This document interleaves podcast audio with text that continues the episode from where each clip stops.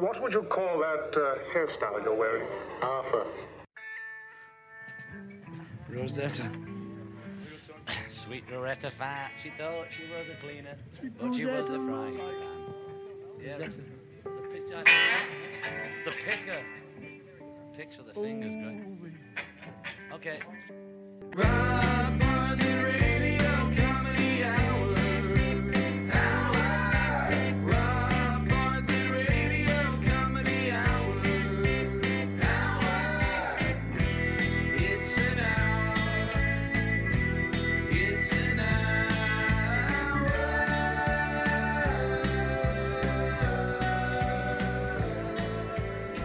Welcome to the Rob Bartlett Radio Comedy Hour. I am Rob Bartlett, and this is my Radio Comedy Hour. We have another great show for you this week. Brian Wilson will be in to talk about impeachment. we will welcome a new sponsor with a revolutionary vitamin and mineral supplement. We'll examine the cause of the Notre Dame fire, and uh, in our I Remember Imus segment, I'll give you a tour of the office at WFAN, and as a special bonus, we'll play a round of Name That Tune with some of the more popular blues beds he used when he read the spots. It's a great show. Stick around. Episode 40. What a clean old man. Easter, Passover uh, are over. So you know what that means. Time to start thinking about taking down the Christmas lights outside. You know, a lot of people might see that as a real white trash thing, trailer park stuff. But uh, here at Robbio Manor, we like to enjoy the the satiny glow of Christmas lights for as long as we can. And you know, I, I know the neighbors appreciate it. You know, the Christmas spirit lasting through, you know, at least Memorial Day. But that's just the kind of people we are. We're, we're givers. And if the rest of the people on the block are judgmental, well, they're they're just Scrooges, quite frankly, and they can uh, they can blow me. I mean, don't you wish it could be Christmas every day? You know, if you didn't have to have your relatives over every night for dinner, but well, there's no better way to make the Yuletide last than leaving that inflatable Santa and Rudolph with the boombox on the front lawn until July 4th. So that's just my little tip to you, boys and girls. This week we um, we got a comedian elected president of the Ukraine. Okay, insert your Trump joke here. The Ukraine? I mean, I'm, moving there tomorrow. Finally, a place that appreciates humor as an art form. You know, we think they're kind of backwards. We look down on them. You know, they know what they're doing, obviously.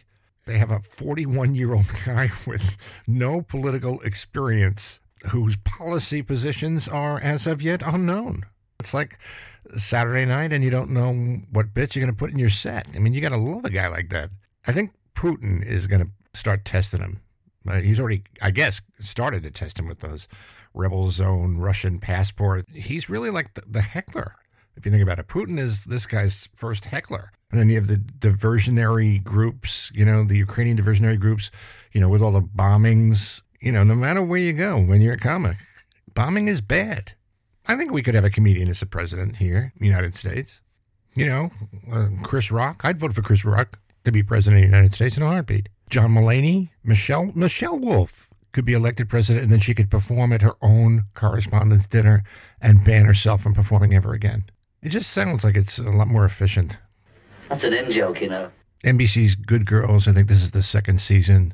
Three three women become gangsters. I don't know. I've never seen it, but uh, it has Christina Hendricks, the the hot chick from Mad Men. She's on it, and basically, I would watch anything with her in it. Just the chance, maybe seeing some side boob. This season, this this I guess the past episode, they one of the characters, one of the moms, her daughter comes out to her as transgender. It, was a really kind of, I saw the clip on online and, and it was a really kind of a sweet little scene. And it made you think you are born a certain way, but then you identify as something else. You know, I mean, I can relate to that. Yeah, I'm, I'm fat, but I, I identify as skinny. I'm trans slender. And I'm proud of it. You know, I mean, I play a Gibson guitar, but I identify with the Stratocaster. I'm I'm transfender. I'm not a Buddhist, but I identify as Zen. I'm transcender. I'm sober, but I identify as someone who serves drinks. I'm trans bartender. I'm a palooka, but I identify as a world champion. I'm trans contender. And of course, you know, if you play a Mustang guitar and a Stratocaster guitar, you are what we would technically call fender fluid. There you go, hiding behind a smokescreen of bourgeois cliches. Well, I think that they finally found out the official cause of the Notre Dame fire. And uh, no, it wasn't because Quasimodo left the oven on. I'm not a smart man. I figured out the cause of it anyway. It seems to me it's pretty easy. It it was the devil. I mean, come on, it's a Catholic church. Why go looking for wiring problems? Uh, some deal with the renovation, something the construction crew did. It was the devil. He's always who's responsible. It's the same old shit. Get used to it. Now, one thing about the Jewish religion that I've always admired is they don't have a devil. They, there's no devil in the in the Jewish religion. Judaism does, however, have the concept of Satan, but he's not a devil. He's he's an angel, and he's not a fallen angel either. He makes his big appearance in the biblical book of Job. Um, I think it's chapter 1, verse 6. I think it says that there came a day when the sons of God came to present themselves before Hashem, and Satan was among them.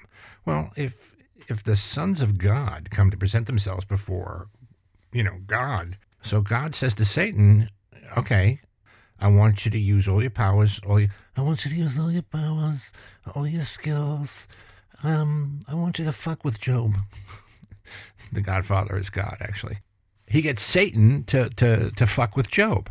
I mean, he gets more and more free rein from, from God until he's actually able to bodily afflict Job short of killing him. So their concept of, of Satan is is more like um, a civil servant, you know, with a with a job to do. District attorney. He he's not evil, you know, but you know, you want him to fuck with people. So I think Satan I think there's evidence of the devil everywhere in our daily lives. Robocalls, spam, people who take two parking spaces, stepping in dog shit, automated customer service phone calls, press one, press two, forgetting your password, you know, to get into your favorite porn site. People talking in movies, all these things are the work of the devil. And you can go ahead and not believe in the devil, but The greatest trick the devil ever pulled was convincing the world he didn't exist.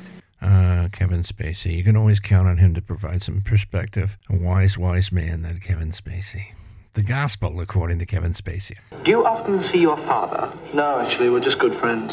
I'd like to welcome a new sponsor here to the Rob Bartlett Radio Comedy Hour, uh, a new pharmaceutical product that can actually improve the quality of your life. Do you feel tired, run down, and lethargic all time? Do you suffer from loss of appetite, night blindness, depression, osteoporosis, muscle cramp, coarse hair, brittle nail, heart palpitation, headache, or dizziness? Well, what you say? I telling you that answer to all your health problem could be under fingernail or on bottom of shoe. Hello, I'm Dr. Bogdan Kubalov, creator of Vita Earth Total Health Supplement, world's first all-natural, completely pure and organic way to get essential vitamin and mineral your body need. Most people don't get all recommended daily requirement of iron, zinc, calcium, or B12 but the greatest, most easily sourced essential elements on planet. Why? Because planet is made up of them in one of most common substances available to human beings. Vita Earth is simplest, most natural way to get all the essential mineral in one easy to swallow capsule. And it work. This is Ninette. She used to suffer from atopic dermatitis, eczema on her cheek and forehead that made her look like somebody took belt sander to her face.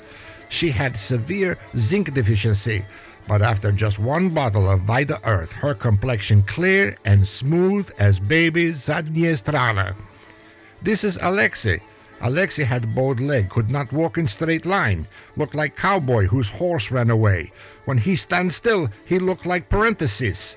He start Vita Earth supplement program and he's still bow-legged, but the appetite improved to point where his legs so fat they're much closer together now.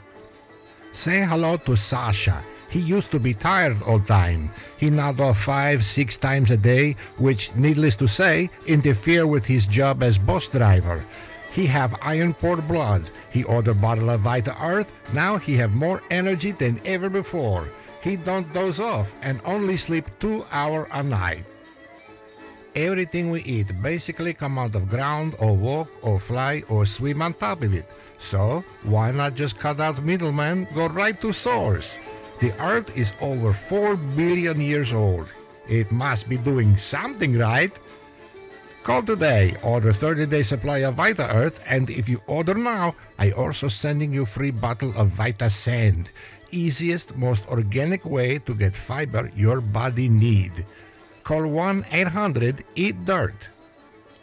Vita Earth, the key to good health, is right under your feet. May cause bloody stool. I was supposed to read that disclaimer there. Uh, speaking of bloody stool, Amazon Prime. This is why they call me king of the segways. Uh, you can get Ruthless Spectator Presents, the sketch comedy series, some of our best sketches from the Ruthless Spectator comedy website. Uh, the first season, whole first season, is streamable and downloadable on Amazon Prime Video and Amazon UK and Amazon Japan. If you have Prime, it's it's free. If not, it's just five bucks for all three episodes. And you can have a mini binge this weekend. And the DVD is now available as we speak. You can order it. It's no longer a pre-order. They have it in stock. Order it and wrap it up and give it to mom for Mother's Day. It's a great Mother's Day gift. Uh, more releases are, are coming up from the Ruthless Spectator. The Real Housewives of Nazareth collection will be available soon, and uh, a couple of others will be coming out. We'll keep you posted. Uh, but you can get all the info if you need to know what's going on and where these things can be found and where I'm going to be and what I'm doing and, and how you can be part of all of this. Share the magic. Follow us on the Rob Bartlett Radio Comedy Hour Facebook page. Uh, on Twitter, we're at the Robbio. On Instagram, Robbio Radio Comedy and Robbio007.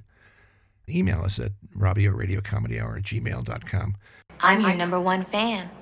Tell your friends and family to check us out here on the Rob Bartlett Radio Comedy Hour. Spread the word. Get everybody to subscribe to the podcast. Leave us a nice review. Go to iTunes or Google Play or wherever you get your podcasts. RobbioRadio.libsyn, L-I-B-S-Y-N dot com. Listen to all the past episodes, download them, and subscribe. So listen, leave us a nice review, and I'll be a happy man. That's all I need.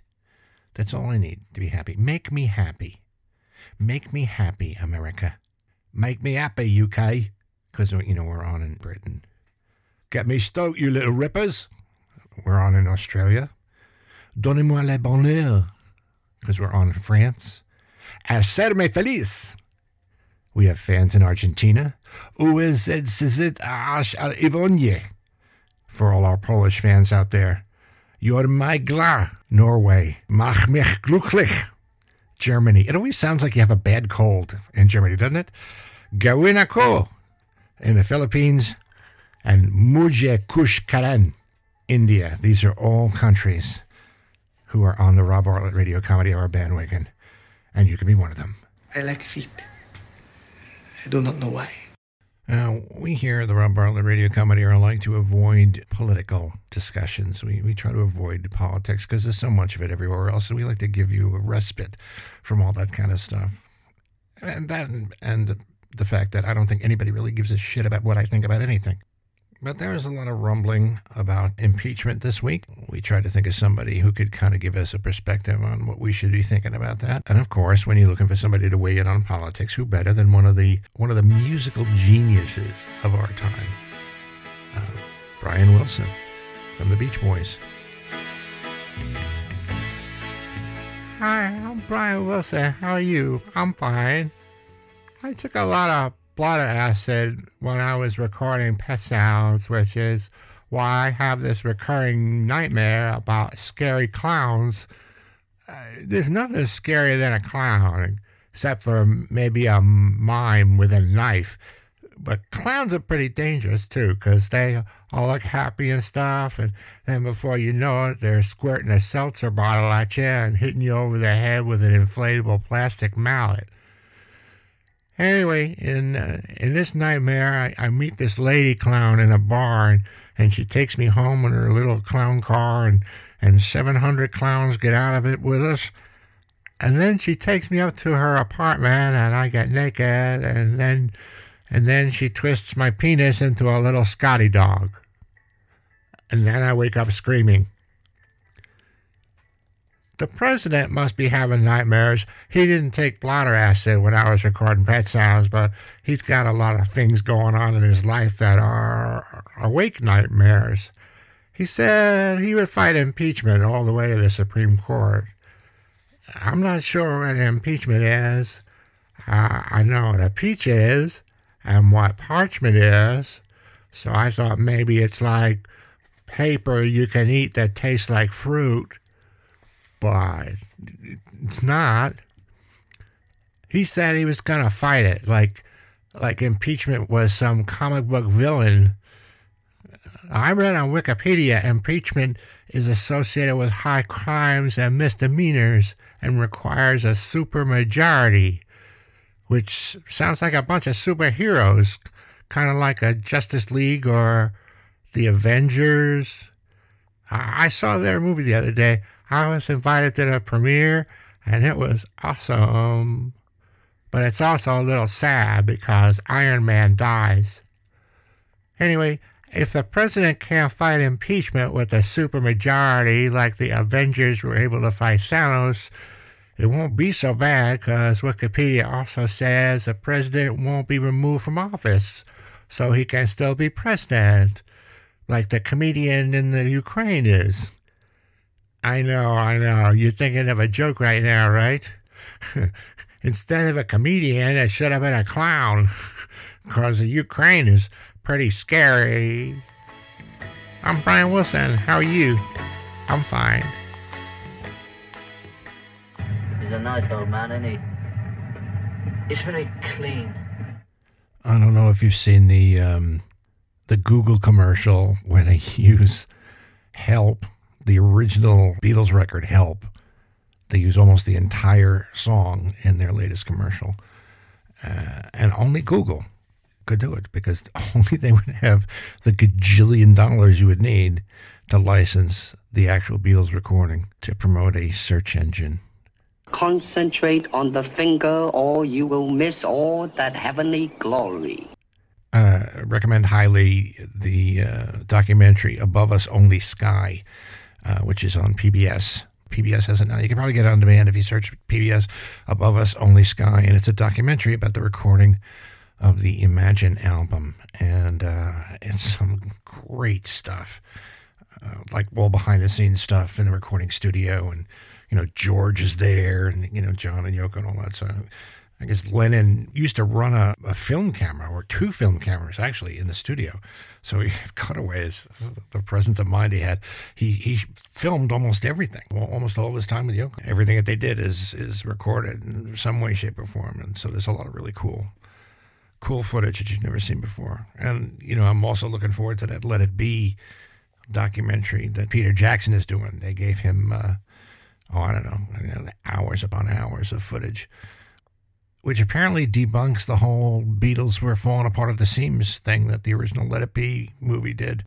Well, now comes, I think, one of my favorite parts of the Rob Bartlett Radio Comedy Hour, the my little walk down memory lane, telling some stories about the old days of stand up and and acting and and of course Imus in the morning.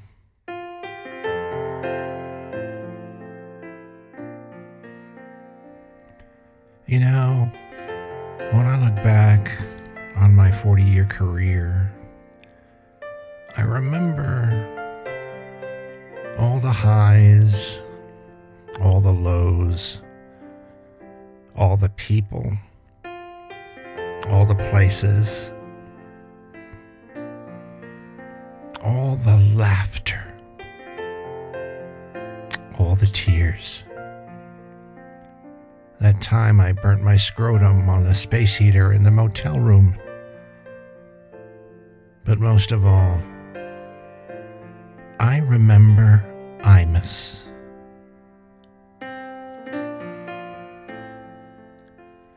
WFAN was in the Kaufman Astoria studios in Astoria, Queens, um, not too far from the 59th Street Bridge. It was uh, a movie studio, basically, movie television production facility. It was in the basement. WFAN was in the basement. um, there were three floors to the radio station. There was street level. I'm sorry, there were four. There was street level. There was an upstairs where I think the general manager's office was. Reception was street level and the sales floor was underneath that, and then of course the broadcast studio and where all the worker bees were were in the sub basement.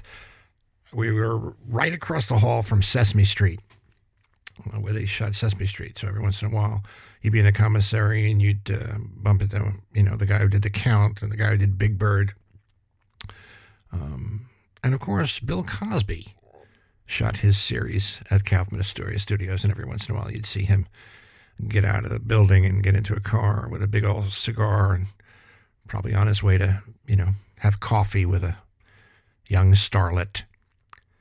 Um, it, it was a it was a strange place. I mean, when you first came in the door, reception was like on your left, and then there was like a step or two down, and then straight in front of you was the bullpen. That's where that was like the the, the newsroom uh, where everyone you know wrote the the sports casts. They would do all the research. You know, go on the on the wire services and get the scores and assemble them and, and stuff like that. And producers would prep their shows in the bullpen. And uh, alongside of the bullpen was there was the control room, was the first on your left, and then it was the actual studio itself. And a lot smaller than you might think. And when we were broadcast on C-SPAN, when C-SPAN first put their cameras in that studio, uh, it did look a lot bigger than it, it was in actuality. And then later on, uh, MSNBC, you know, put some robot cameras in there before they decided that you know they were paying Imus so much money they sh- they should really have him come over to Secaucus, and that's where they had like the huge set and real cameras and and audio, and that was the place where uh, it kind of looked like a, a, James Bond villain's lair, you know, big map of the world and, and stuff. It was a pretty cool place, very far from what WFAN looked like, that's for sure. WFAN is what you, you would say in the radio business, uh, a fucking shithole. it was just just the worst. Down the hall to your left, as you first came in the front door, was the production studio. That's where Joey DeFazio used to do all our production. Joey would do all the bits and all the bumpers and all the musical things. He'd put them on tape. It was tape in those days, way back when. and he would uh, he'd cut them up with a razor blade, and then he'd transfer them over to cart, eight track cart. This is way before all the digital stuff happened. And now, you know, when we do stuff like this, it's all digital. It's you can. If I had to do this on tape, boys and girls, there'd be one episode a month because it'd just be way, way, way too much. Especially when we would do the bits, we would use language. You know, we'd say fucking shit and all that, and he would just beep it out. But each one of those beeps required a separate little piece of tape that had to get spliced in. He did an amazing job, Joey DeFazio. I think he still works for XM. Now, when you made a right as he came in the front door, there was a little hallway, and uh, first, like right in front of you, was the program director's office. That's where Mark Gumby Mason, when we first met him, that's where he he was. That was his office, and then uh, you kind of like jogged to the left a little bit from his office, and then there was a short hallway with three offices on the left hand side. One was actually a storage room. The next one was Imus's assistant, his assistant's office, and then was at the end of the hallway, Imus in the Morning World headquarters. Uh, it was a small office. It was a, and you know, not really all that memorable. Uh, I don't remember much of the office at WNBC. I think it was a little bigger than the one that they gave me at WFAN, but that wasn't going to last very long.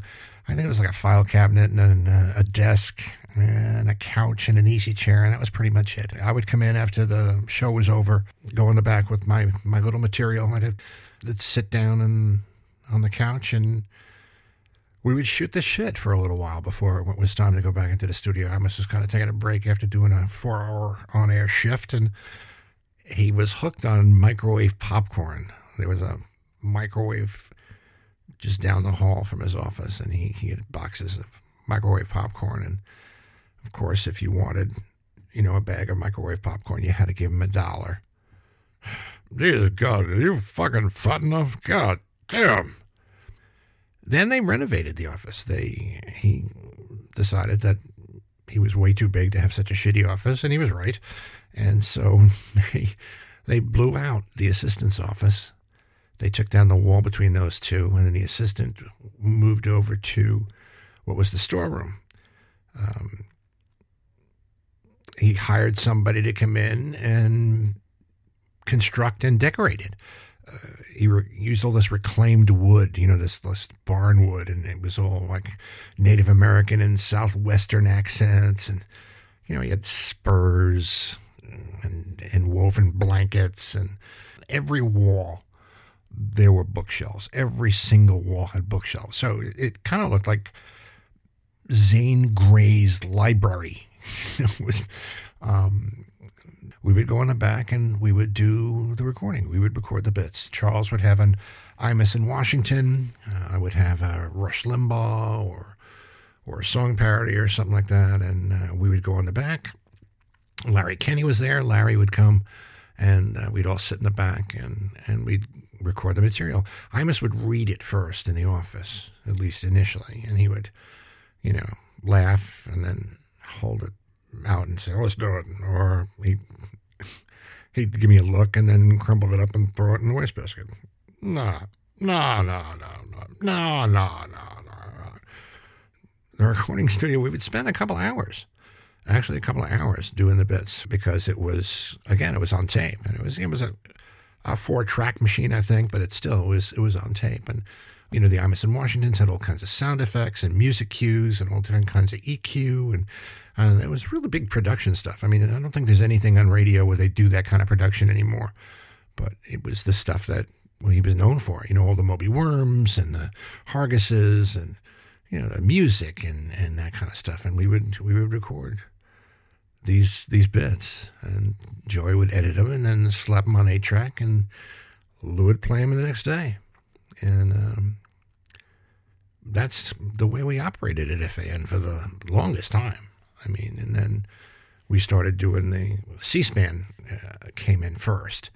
Uh, C-SPAN had this idea that it would be interesting to just put like a almost like a security camera on the wall, and they they would do a live feed of Imus and Charles and everybody doing the show live. And, you know, they would simulcast it. And I watched it a few times because I would, obviously, I didn't, you know, I would go in after they were on the air because I was doing the production bits. And it was really compelling. And, and what was weird was all of a sudden, like people were recognizing me on the street. It's the first time it ever happened. I mean, it was on radio, but I had no idea how many people were actually watching this on C-SPAN.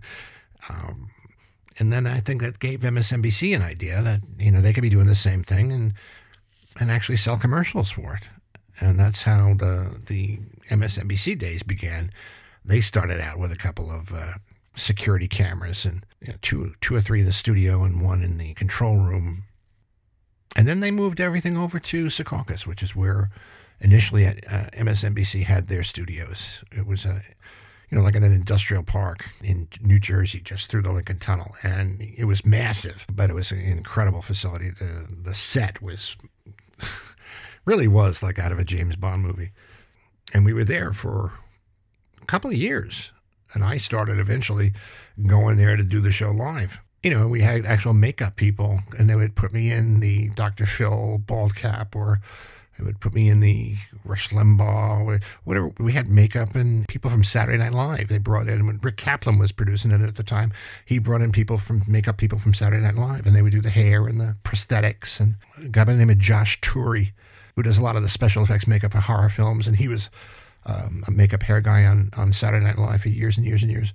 Uh, he would do the Dr. Phil bald cap and and you know do prosthetic noses and and, and shit like that So I would have to show up because the show started at six. I'd have to show up, be in Jersey at five to be in hair and makeup, which meant I had to leave my house on Long Island around 3.34 in order to get there, leaving myself enough time to drive to New Jersey. And then uh, we would do the show.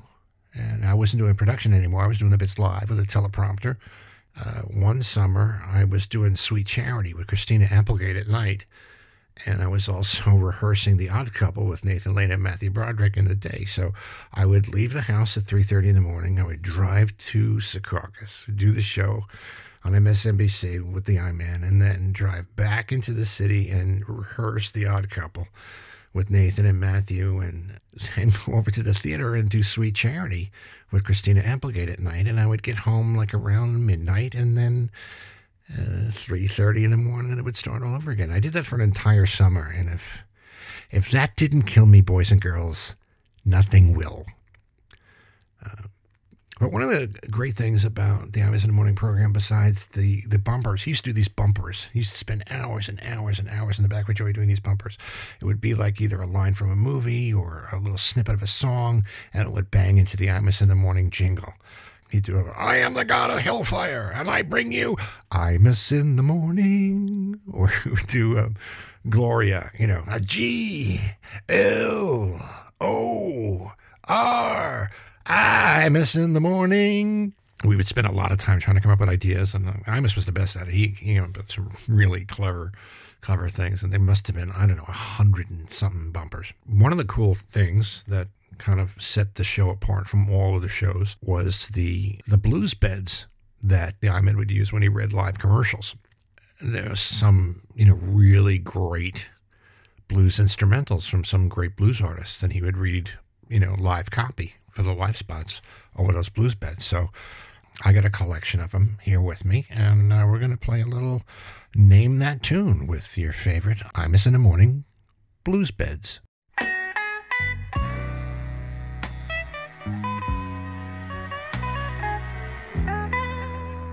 Oh, sounds like the blues. It is the blues, you idiot. Have you guessed it? Five long years. The great B.B. King. This is one of the favorites.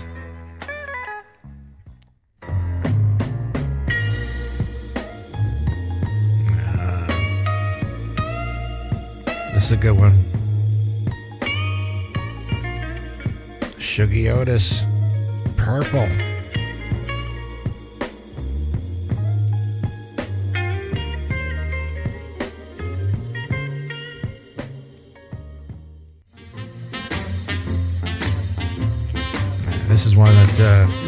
MSNBC used to use this bumper.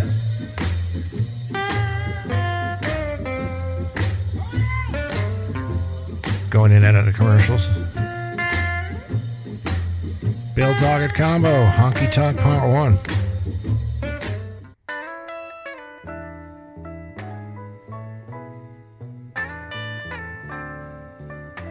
This is another uh, MSNBC bumper piece.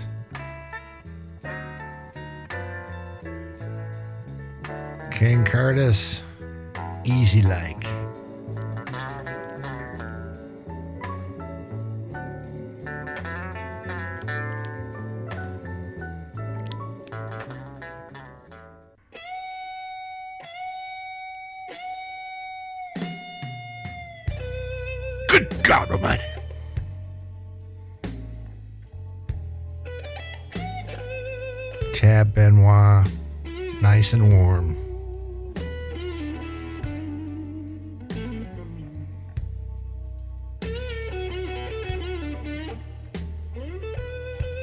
And uh, sometimes we'd listen to the actual records back in the office with the uh, with the Elvis jukebox.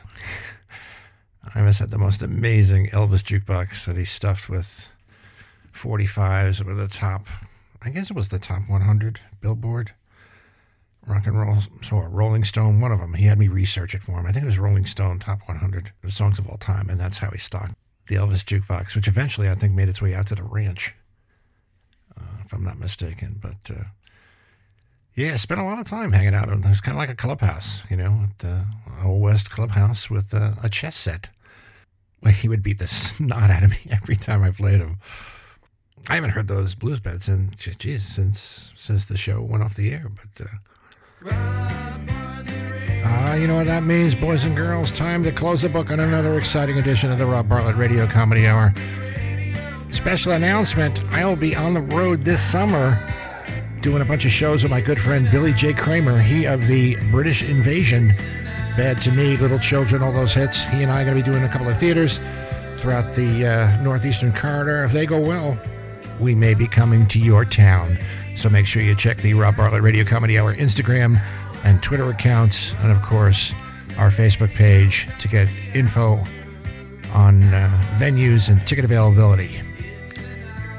Our program produced by Gary Grant and me, Rob Bartlett, written by Andrew Smith and me, Rob Bartlett, performed by me, Rob Bartlett. The Rob Bartlett Radio Comedy Hour theme song composed by Gary Grant and sung by Steve Mecca. No animals were harmed in the recording of this podcast. See you next week, boys and girls, and until then, be good to each other, won't you?